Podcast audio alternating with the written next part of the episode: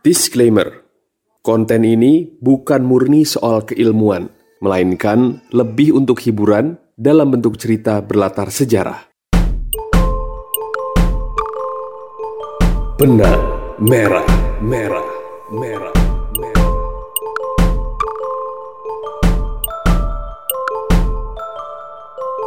Episode 5 Menghunus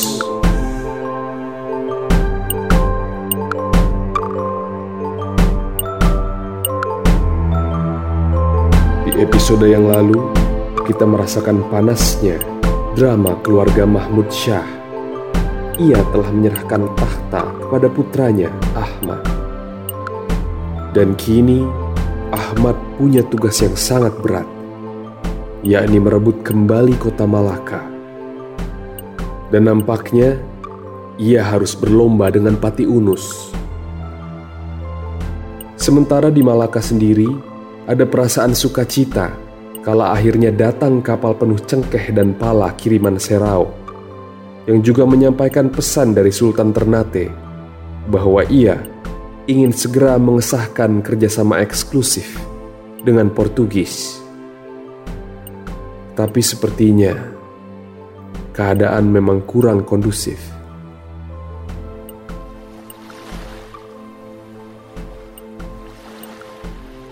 Dari empat orang koboi berbaju besi utusan Serau ke Malaka, hanya satu orang yang kembali ke Pulau Ternate. Ternyata, tiga sisanya ingin tetap mengabdi kepada Portugal. Mereka ingin berjuang mempertahankan Malaka.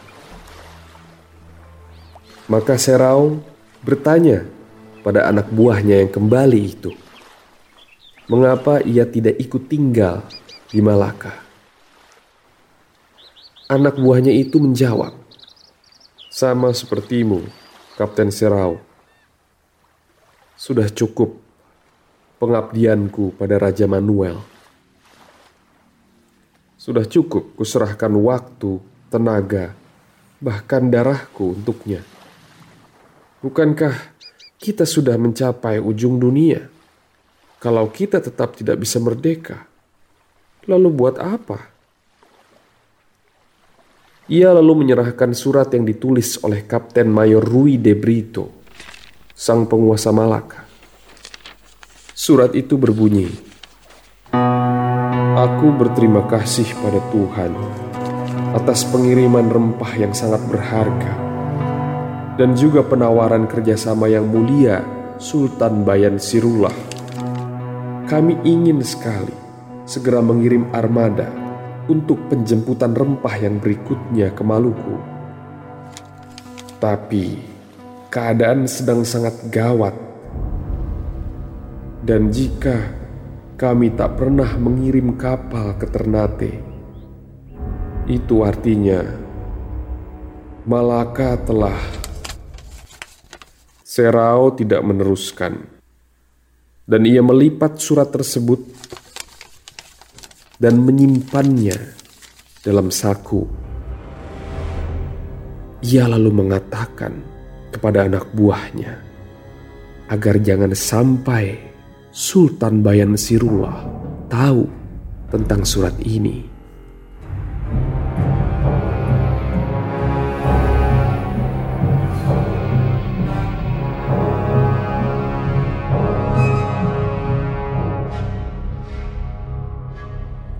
Sementara itu, di benteng Malaka yang kini telah mendekati rampung, Kapten Mayor Rui de Brito sedang melangkah di lorong sambil menggenggam secari kertas. Wajahnya nampak jengkel. Kalung dengan salib yang lumayan besar bergoyang-goyang di dadanya. Itu ia harapkan bisa bikin hatinya lebih tenang di masa-masa gawat seperti ini ia sampai di satu pintu. Rui de Brito lalu masuk tanpa mengetuk. Seraya memanggil nama si pemilik ruangan. Tuan Pires! Tome Pires, seorang peneliti, tidak bergeming dengan tingkah Rui de Brito. Ia tetap asyik memperhatikan beberapa spesimen tumbuhan rempah, dan jamur yang ada di atas mejanya. Sambil sesekali ia menulis di buku catatannya. Bagaimana keadaanmu, Tuan Kapten Mayor? Apa sudah enakan? Tanya Tome Pires dengan cool. Memang sejak beberapa waktu lalu, Tome Pires mendistribusikan racikan jamu kepada orang Portugis yang dilanda demam. Itu adalah hasil penelitiannya berkeliling semenanjung Malaya dan Sumatera. Dan pertanyaan itu ternyata membuat murka di dada Rui de Brito jadi sedikit teralih. Ia berkata, Iya, saya berterima kasih. Demam saya dan beberapa orang sudah meredah. Tapi Tuan Pires, surat permohonan anggaranmu ini malah bisa bikin saya kena serangan jantung. Tome Pires tetap tidak menengok ke arah Rui de Brito. Ia malah mengelus-elus kepala jamur, membikin Rui jadi makin jengkel. Tome Pires berujar pelan. Jika Tuan Kapten Mayor lekas menyetujui anggaran perjalanan saya itu, mungkin kelak saya akan membawa pulang obat jantungan untuk Tuan. Hmm? Rui de Brito sudah sampai pada batasnya. Ia membuang surat permohonan itu ke lantai. Huh? Barulah Tome Pires menolehkan kepalanya, memandangi surat yang tergeletak di lantai. Kemudian, dengan mata sayunya, ia menatap Rui. Sang Kapten Mayor sudah tidak peduli lagi. Ia tidak peduli kalau seorang Tome Pires ini pernah jadi tabib di kalangan istana Portugal. Tidak peduli kalau ia adalah anak buah langsung sang penakluk Malaka, Alfonso d'Albuquerque, yang kini menjabat sebagai gubernur India. Rui de Brito berkata, Keadaan sedang gawat di Malaka. Pati Unus sebentar lagi datang Ahmad Syah juga. Belum lagi orang Aceh.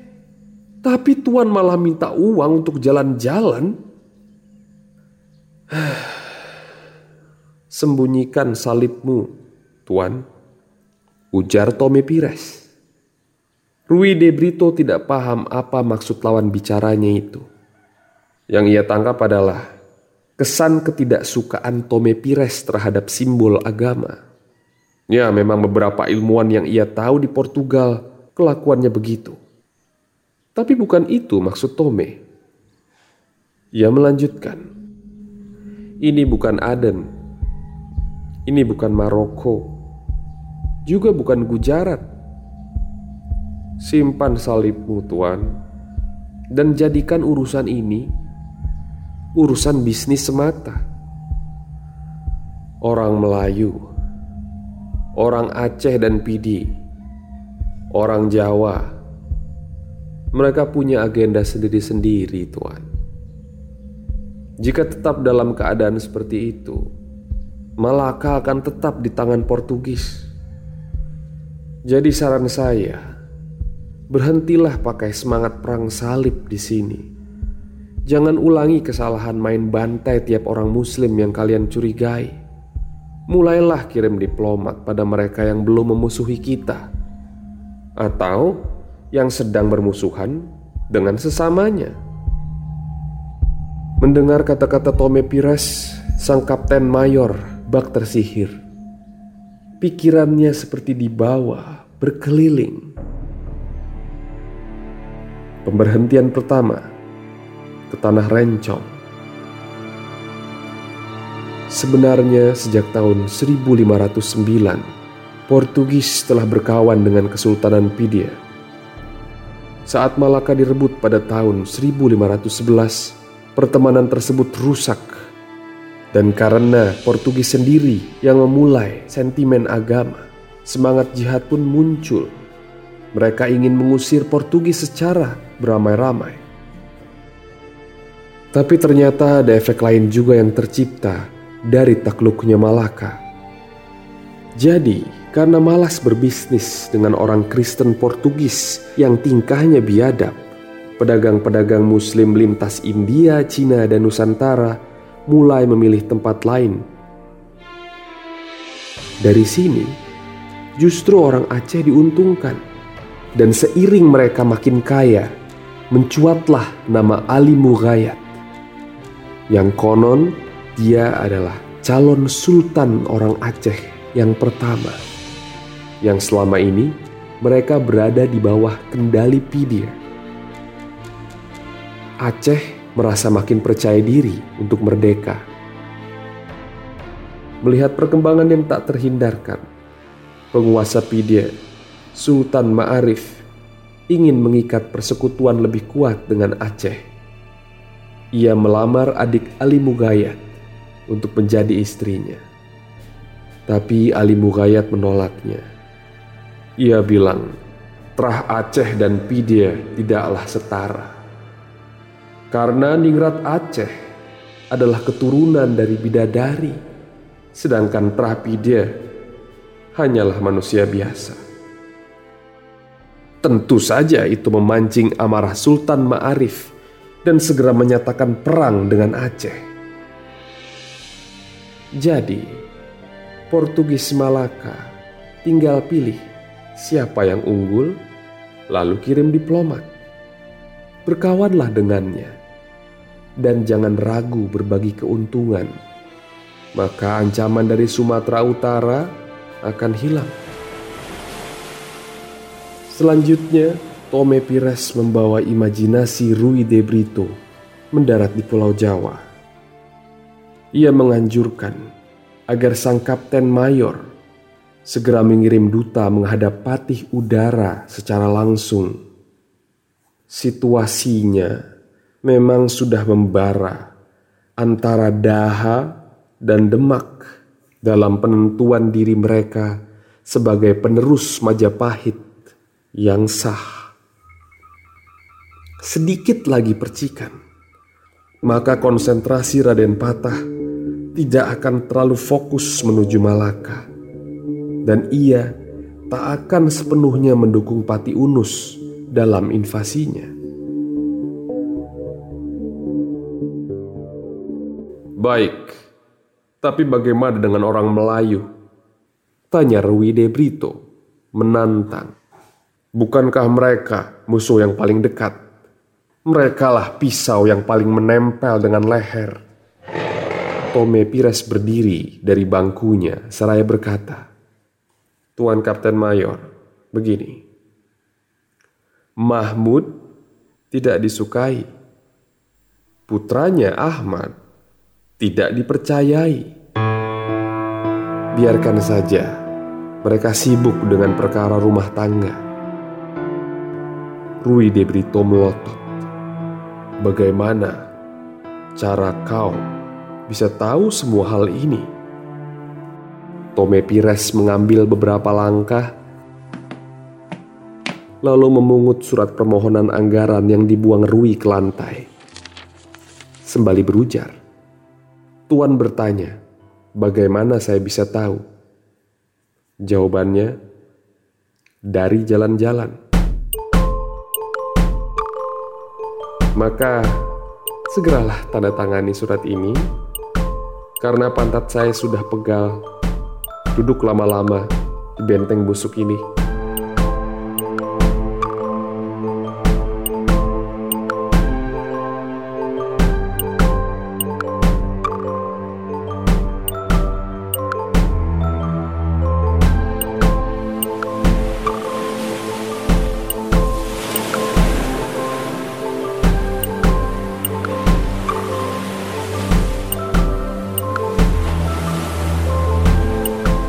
Akhirnya, waktu yang tidak diharapkan itu tiba. Pada suatu malam di tahun 1513, armada perang Pati Unus nampak dari kejauhan. Seratus kapal jumlahnya, dan tiga puluh di antaranya adalah jung model Jawa berukuran besar jung yang dikendarai Pati Unus adalah yang terbesar, membawa seribu orang di dalamnya. Kapten armada yang ditugaskan untuk menghalau serangan mengatakan, kalau ia terpukau dengan kapal-kapal Pati Unus, ia tak mengira kalau ada yang bisa membuat kapal-kapal sebesar itu di Hindia Timur. Tembakan meriam terbesar Portugis pun tak mampu menenggelamkannya hanya dengan satu tembakan.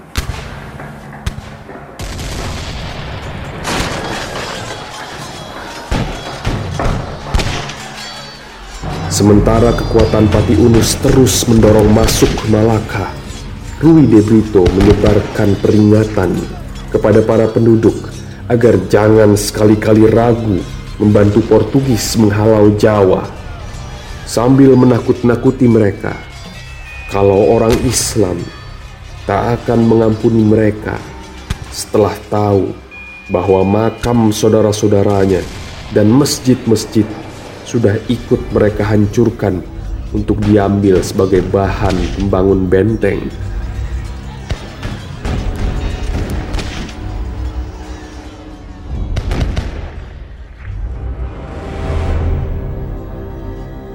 Sementara itu, dari kejauhan, Ahmad Syah dan sebagian prajuritnya mengawasi. Seorang panglima berusaha dengan sia-sia meyakinkan sang sultan untuk segera menggabungkan kekuatan dengan Pati Unus. Namun Ahmad Syah yakin kalau Pati Unus ingin memiliki Malaka untuk dirinya sendiri. Dan maghrib tadi, ia berdoa setelah sholat, tapi doa itu bukan demi kemenangan saudara Muslimnya. Siapa pun yang tersisa setelah pertempuran malam ini pasti akan cukup lemah. Untuk selanjutnya, Ahmad terkam secara mendadak.